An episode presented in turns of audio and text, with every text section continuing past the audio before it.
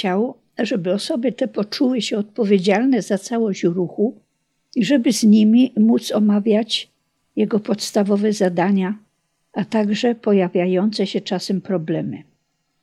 I w ten sposób powstała Krajowa Kongregacja Odpowiedzialnych Ruchu, w której uczestniczyły wtedy 62 osoby.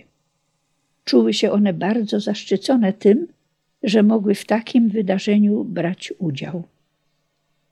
Podstawowym tematem tejże kongregacji było znalezienie nowej nazwy dla ruchu żywego Kościoła, ponieważ dotychczasowa była źle odbierana przez niektóre osoby w Kościele. Według nich mogła ona bowiem sugerować, że cała reszta poza ruchem oazowym to Kościół martwy. Po modlitwie spośród różnych propozycji podawanych przez uczestników kongregacji wybrano nazwę Ruch Światło Życie, dlatego że te dwa proste słowa wyrażały najlepiej to, o co w ruchu chodzi, aby każdy z jego członków przez przyjmowanie światła Bożego i wcielanie go w życie stawał się dojrzałym chrześcijaninem. Uczestnicy kongregacji wyjeżdżali z Krościnka z radością i przekonaniem, że to sam Duch Święty wybrał tę nazwę dla naszego ruchu. Dwie idee. Prace przy kaplicy posuwały się do przodu, chociaż nie bez trudności. Cała rozbudowa jak zwykle rozpoczęła się bez grosza. I kiedy już nie było zupełnie pomysłu, skąd pożyczyć pieniądze, żeby opłacić robotników, Pan Bóg znowu przyszedł z konkretną pomocą. Pewnego dnia ojciec Franciszek przyglądał się pracom na strychu. Nagle zauważył, że pod kopią górkę podjeżdża jakiś zagraniczny samochód. Uścisnął wtedy stojącego obok niego kleryka Edwarda Walę i zawołał: Edziu, pieniądze jadą. I rzeczywiście przyjechali wtedy alumni z Austrii, których rektor seminarium wysłał z pieniędzmi dla ojca. Już na samym początku budowy ojciec postanowił, że kaplica będzie symbolem namiotu, który Mojżesz rozbił na pustyni poza obozem i nazwał namiotem spotkania, do którego mógł przyjść każdy, kto się chciał zwrócić do Pana. Z drugiej strony kaplicy tej chciał ojciec nadać tytuł Chrystusa sługi. I podobnie jak przy budowie namiotu światła, ojciec zwrócił się teraz do naszego już sprawdzonego artysty Wiesława Darocha z prośbą o przygotowanie projektu jej wnętrza w ten sposób, aby wyrażało ono te dwie idee: namiot spotkania i Chrystusa sługi. Wiesiek zrobił projekt, który ojciec zaakceptował i zaraz nasz artysta przystąpił do jego realizacji. Już sam kształt poddasza nasuwał skojarzenie z namiotem. Dodatkowo Wiesiu zrobił także tabernakulum w takim kształcie, aby podkreślić, że Chrystus Eucharystyczny przebywa w namiocie, czekając na tych, którzy przyjdą z Nim rozmawiać prezbiterium umieścił figurę Chrystusa, która razem z witrażem przedstawiała scenę tuż po chrzcie w Jordanie. Chrystus ukazany ze złożonymi dłońmi, objętymi rękami Ojca, wyrażał całkowite oddanie się Mu na służbę, bo w takim geście kiedyś słudzy okazywali posłuszeństwo i lojalność swojemu Panu. Z boku po lewej stronie kaplicy na filarze Wiesiu wykonał płaskorzeźbę przedstawiającą Matkę Bożą jako służebnicę pańską w postawie uniżenia, klęczącą ze złożonymi dłońmi. Maryja została umieszczona w tym miejscu, żeby przypominać nam, że jest pośród nas, razem z nami oddaje cześć i chwałę Panu Bogu, a jednocześnie uczy nas, jak mamy być pokorni, posłuszni i poddani Jego woli. Nasz artysta wykonał również trzy obrazy, które zawiesił na ścianie po lewej stronie.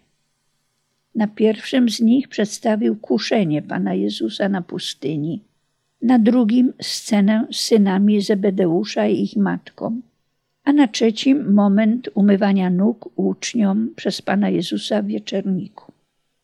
Wszystkie one miały uświadamiać, że Syn Człowieczy nie przyszedł, aby mu służono, lecz aby służyć.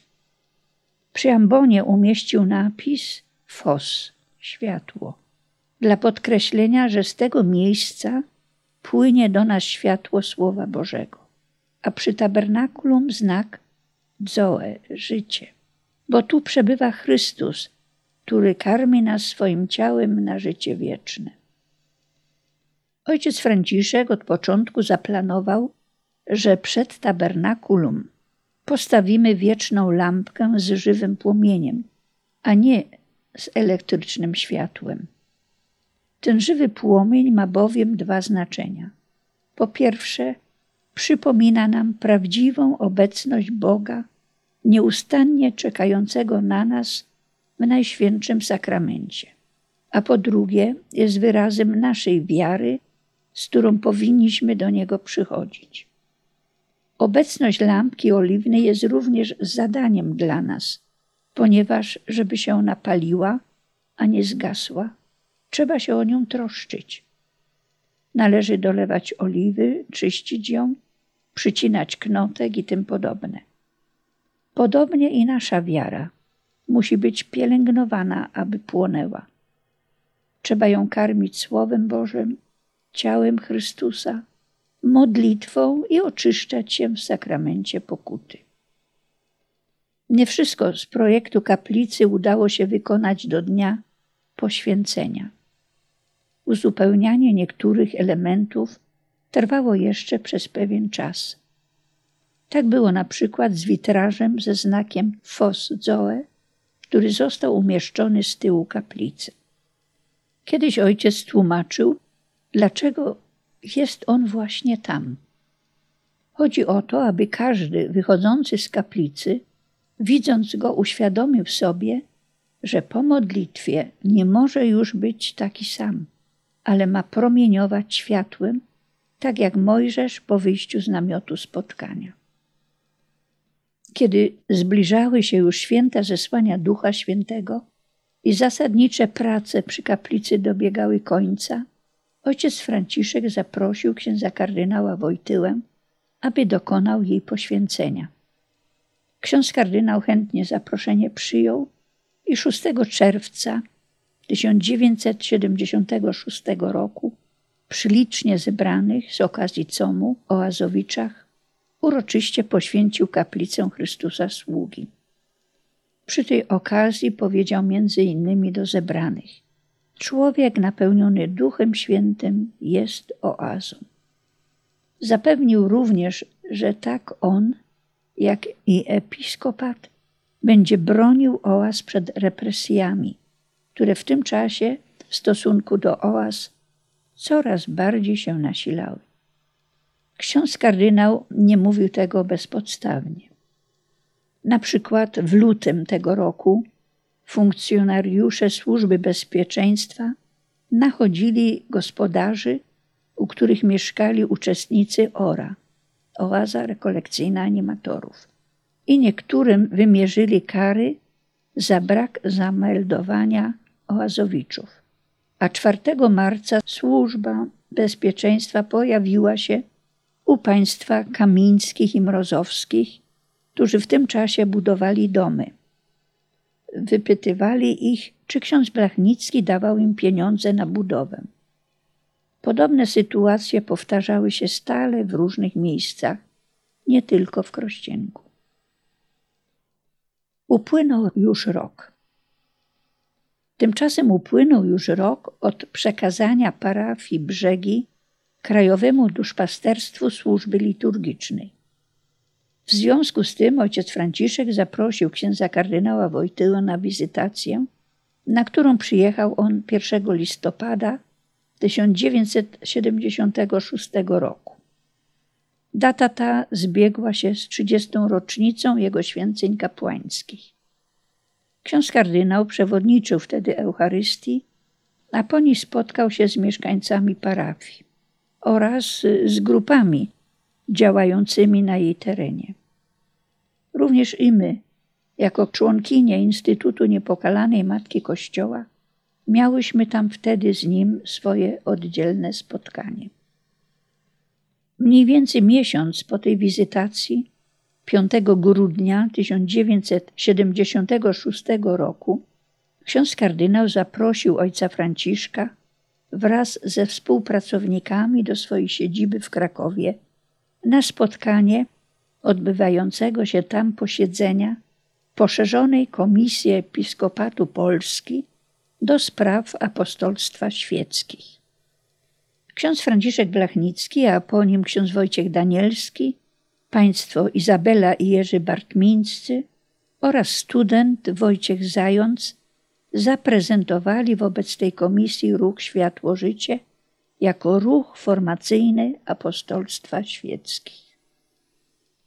Liczba zgłaszających się na oazy wakacyjne uczestników ciągle rosła, ale wielu z nich nie było zdolnych w pełni je przeżyć. Dlatego ojciec doszedł do wniosku, że na rekolekcje wakacyjne będziemy odtąd przyjmować uczestników dopiero po przeżyciu przez nich rekolekcji ewangelizacyjnych, indywidualnych albo parafialnych. Pierwsze takie rekolekcje parafialne odbyły się w Adwencie 1976 roku w parafii Podwyższenia Krzyża Świętego w Łodzi, gdzie proboszczem wtedy był moderator łódzki, ksiądz prałat Kazimierz Bałczewski. Rekolekcje te były wcześniej bardzo dobrze przygotowane. Prowadził je ojciec Franciszek razem z międzynarodową grupą ewangelizacyjną. Po nich około 200 osób zgłosiło się do małych grup, w których miało formować się do wakacji, aby potem wziąć udział w letnich rekolekcjach oazowych. Pragnieniem ojca było to, aby na wakacyjne rekolekcje młodzieżowe przyjeżdżali animatorzy wraz ze swoimi małymi grupami które wcześniej prowadzili przez cały rok formacyjny. Uważał, że to byłoby najowocniejsze dla nich samych oraz dla ich parafii, bo stanowiliby jakby zaczyn odnowy swojego kościoła lokalnego. Ani wody, ani śniadania. Położenie naszego domu w Durszczynie, zwanego również wichrówką, ze względu na stale wiejące tam wiatry, sprawiało, że nadawał się on doskonale na miejsce skupienia i modlitwy. To też ojciec Franciszek postanowił umieścić tam centralną diakonię oazy modlitwy.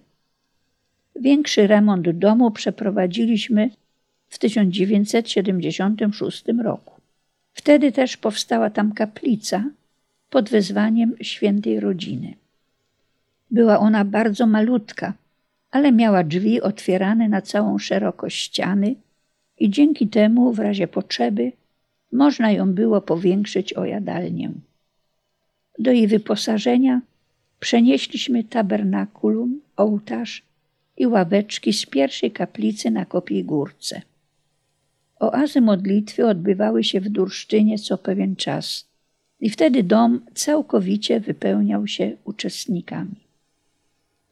W tym też okresie zaczął się intensywniej rozwijać nasz Instytut Niepokalanej Matki Kościoła. Systematycznie zgłaszały się nowe kandydatki.